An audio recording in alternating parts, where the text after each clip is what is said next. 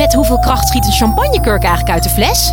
Ja, het is feest bij Quest. Al twintig jaar serieus leuk, met nieuwsgierige vragen en antwoorden uit de wetenschap. Zo maken we Nederland elke dag een stukje slimmer. Nu in de winkel en op quest.nl. De jeugd van tegenwoordig. Met hun frisse blik is de jongste generatie stevast de belichaming van vernieuwing. Klaar om het met nieuwe denkbeelden eens helemaal anders te doen. Hoe jonger, hoe progressiever. Ik vind het zelf belangrijk, ook omdat ik zelf jong ben, dat ik me ook inzet voor zeg maar, ontwikkelen en niet alles houden zoals het al was. Ik vind dat we niet dat moeten vasthouden aan hoe het gaat, maar ook juist wel moeten inspelen op wat er nu van belang is. Maar er is iets bijzonders aan de hand. Vroeger associeerden we conservatisme eigenlijk met oude witte mannen uh, die macht hadden in uh, de maatschappij. Voor het eerst in de geschiedenis is het de jongste generatie die conservatiever is. Ja, ik hou nu gewoon niet zoveel van verandering. Met mij gaat het goed, dus uh, waarom het dan zomaar veranderen? De vrouw blijft thuis en de man gaat werken en, en de vrouw zorgt voor de kinderen en de man zorgt voor het geld eigenlijk. Een beetje dat soort dingen. Hoe kan dat? Voer voor sociologen. En laten we er nou net één tegen het lijf lopen. Waarom worden jongeren steeds conservatiever?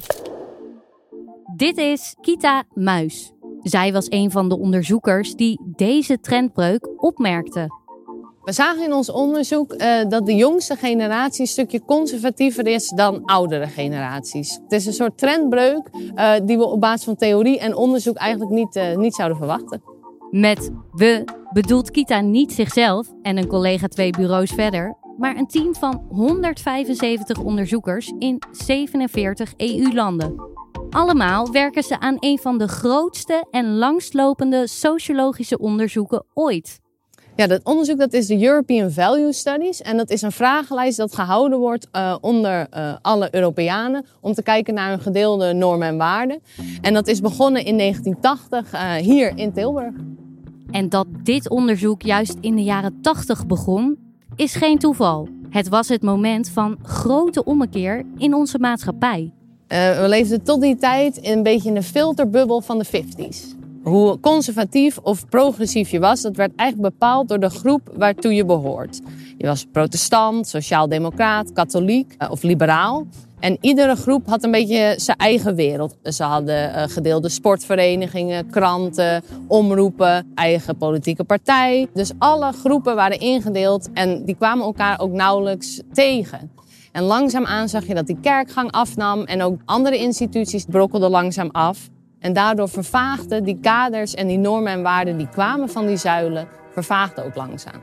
En dus vroegen Kita's voorgangers in Tilburg zich af: waar halen mensen zonder kerk of vaste club hun normen en waarden vandaan? En zo ontstond de European Value Study, een negenjaarlijkse peiling naar hoe progressief of conservatief onze samenleving is. Maar wat maakt iemand progressief of conservatief en hoe meet je dat? Ja, als we het hebben over conservatieve mensen, dan denk je wat eerder aan mensen die bijvoorbeeld religieus zijn, die veel belang hechten aan het gezin, aan de kerk bijvoorbeeld, aan eh, conformeren aan groepen. En juist uh, liever niet te veel verschillend willen.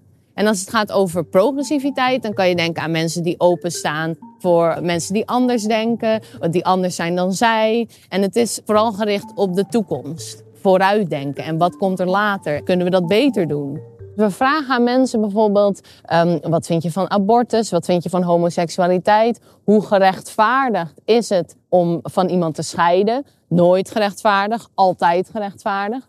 Dat zegt iets over hoe vrij iemand is om zelf die keuzes te maken. Een ander voorbeeld is hoe belangrijk is het om een sterke leider te hebben die het land leidt en die niet zoveel met verkiezingen eh, van doen heeft. En dat laat heel erg zien hoe belangrijk het is om een autoriteit te hebben die we volgen en waaraan je conformeert. Tot nu toe zagen we eigenlijk hoe jonger de generatie, hoe progressiever. Want elke jonge, nieuwe generatie had het uh, ja, beter voor elkaar dan de oudere generatie. En daardoor werden ze ook een stukje progressiever.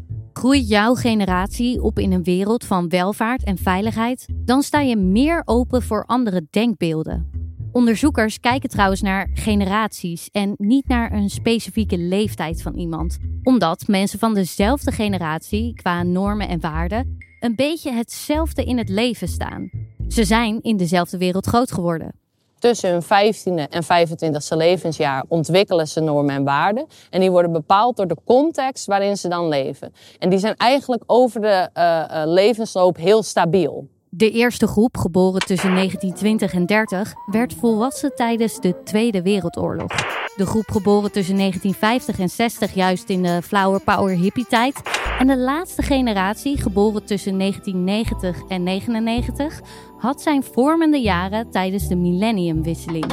En in die laatste groep zien onderzoekers in hun data dus iets bijzonders gebeuren. Als we naar die grafiek kijken, dan zien we uh, hoe we door de tijd heen progressiever zijn geworden. Dus de lijntjes die stapelen zich op. En uh, het laatste lijntje uit 2017 is het hoogste lijntje. Wat betekent dat we het progressiefst ooit zijn. Uh, maar toch zien we een klein knikje. En dat knikje betekent eigenlijk dat de jongste generatie dus net wat minder progressief is dan de generaties daarvoor. En dat is eigenlijk tegen onze verwachtingen in. Voor de leek lijkt het niet een heel boeiend lijntje. Maar als de onderzoekers het leggen naast de data over democratische waarden, zien ze weer een trendbreuk. Als we kijken eh, naar de grafiek over democratie, dan zien we een omgekeerde U. Dat betekent dat de oudste generaties en de jongste generaties wat minder positief staan tegenover democratie. Die zijn wat autoritairder. Dat is in de tijd ook toegenomen, want we zien dat de lijntjes zich uh, opstapelen. Je kan zeggen dat de jongste generaties eigenlijk weer wat meer lijkt op de alleroudste generaties. En dan komen we bij de hamvraag. Hoe kan dit? Eigenlijk wordt er van alle kanten aan hun stoelpoten gezaagd bij de jongere generatie. Ten eerste is iedereen onwijs hoog opgeleid. Dus wat we zien is uh, dat jongeren uh, te maken hebben met diploma-inflatie. Dus dat betekent eigenlijk als iedereen hoger opgeleid is, dan heeft iedereen een diploma. En wat is dat diploma dan eigenlijk nog waard? Je ziet het bijvoorbeeld als het aankomt op werk. Alle jongeren hebben uh, flexibele contracten, onzekere contracten, nul-uren contracten. En ook als het gaat om woningen, over welvaart bijvoorbeeld. Uh, het is veel moeilijker om een woning te kopen. Als we het vergelijken met bijvoorbeeld de babyboom-generatie, die had op hun dertigste al lang al een woning. En dat zorgde ook voor uh, bepaald kapitaal, opbouwen van vermogen. En dat hebben jongeren helemaal niet. Nu kan je denken, iedere generatie heeft toch zo zijn eigen tegenslagen. Waarom zorgt dat bij millennials voor een hang naar conservatisme en minder vertrouwen in de democratie? Vroeger konden mensen zich nog wel vasthouden aan de uh, stabiliteit die hun groep hun gaf. En nu zien we eigenlijk allerlei ontwikkelingen die die stabiliteit en die houvast uh, laten vervagen. Uh, we zien bijvoorbeeld globalisatie, wat uh, immigratie met zich meebrengt, waardoor nationale identiteit onder druk staat. We bevinden ons in allerlei crisis. we hebben de klimaatcrisis, de vluchtelingencrisis, de woningcrisis, allerlei zaken zoals de toeslagenaffaire, boerenprotesten. en het is onzeker wie en hoe we nou eigenlijk bestuurd worden. Kunnen we onze bestuurders nog wel vertrouwen of zijn ze corrupt? En zelfs iets wat zeker leek, ben je man of ben je een vrouw? Dat is ook fluïde geworden. Voor jongeren zien we dat al die veranderingen zo onwijs snel gaan.